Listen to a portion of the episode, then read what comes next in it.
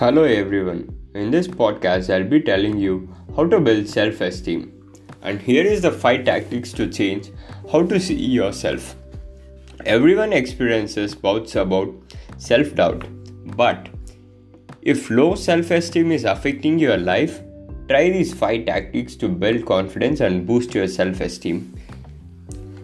Your sense of self worth will impact every arena of your life your job, your relationships, and even your physical and mental health are reflection of your self-esteem. But what exactly helps you shape your view of yourself and your abilities?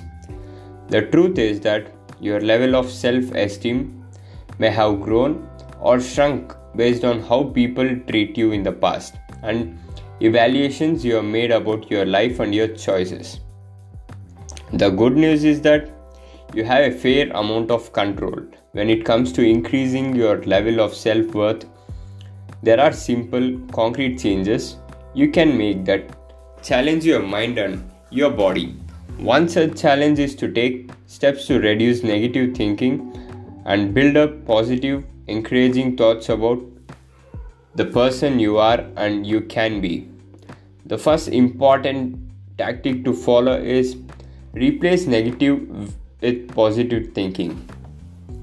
Identify the triggers. To increase the level of positive thinking in your day to day life, you first have to recognize what people, places, and things promote negative thinking. Maybe it's the balance in your bank account, or perhaps it's a coworker who's always complaining. You can't change certain situations, but you can change how you react to them and understand them. That starts with paying attention to what makes you feel sad or anxious. Take notes. There's an ongoing dialogue or self talk, always helping in your brain as you go about your day. This self talk takes in the world around you and makes evaluations about yourself and others. So, take the time to start no- noticing any interesting trends in this dialogue. Is this thinking based on facts or usually learning towards the irritational, always assuming the worst in the situation? Take notes and note it down yourself. Challenge your thinking. If you see yourself jumping to conclusions or always downplaying the positive about yourself, then you have to set up and add some positive thinking to your self talk. Learn to focus on positive and to encourage yourself is lot like a strengthening a muscle. You have to exercise your brain a little every day to develop a capacity for positive thinking, to forgive yourself when you make mistakes, and to learn to give yourself credit when you feel accomplished.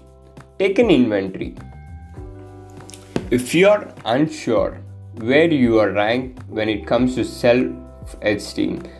Taking an inventory of your personal qualities can perfectly help to sort it out.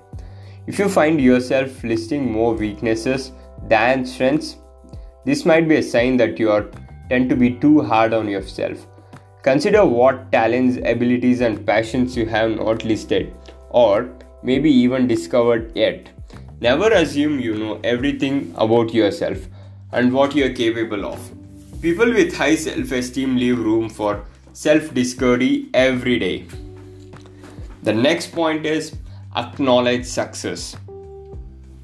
Often, people with low self esteem will dismiss their successes as luck or chance, or they might focus on not being perfect rather than highlighting how far they have come. People with high self esteem take the time to celebrate their accomplishments. They say thank you when people compliment them rather than dismissing their praise. This doesn't mean that people with high self esteem are arrogant or narcissistic. They just have faith in their abilities and acknowledge success when they do happen. Stop comparing yourself. Other people can't be standard when it comes to self esteem. This is because you'll always find someone who appears better than you or more capable than you in any arena of life. Social media certainly doesn't help, as researchers have found that people who check social media very frequently are more likely to suffer from low self esteem. Remind yourself that people usually only share the best parts of their life online. Your own life should be the yardstick rather than others' lives because what is your best may not be someone else's, and vice versa. Remind yourself that anytime you make any improvement or prevent yourself from re- repeating a mistake, you are making progress. Last but not the least, practice self care. The more you demonstrate that you have value your health, the more you develop a capacity for loving other parts of yourself. Listen to your body and avoid foods that make you feel irritable or tired. Eating healthy and exercising also can increase positive thinking and help you feel more encouraged about your future. If you spend time with the people who care about you, you may find that suddenly it's easier for you to care for yourself. Remember that learning positive thinking and developing healthy lifestyle strategies aren't going to be overnight miracles. Being kind to yourself and increasing your sense of self worth takes time, practice, and patience. But the more you challenge your thoughts and perspectives, the greater joy you can find in yourself and your abilities. You'll feel proud of how far you have come and you'll look forward to the future. Thank you for listening to my podcast, guys.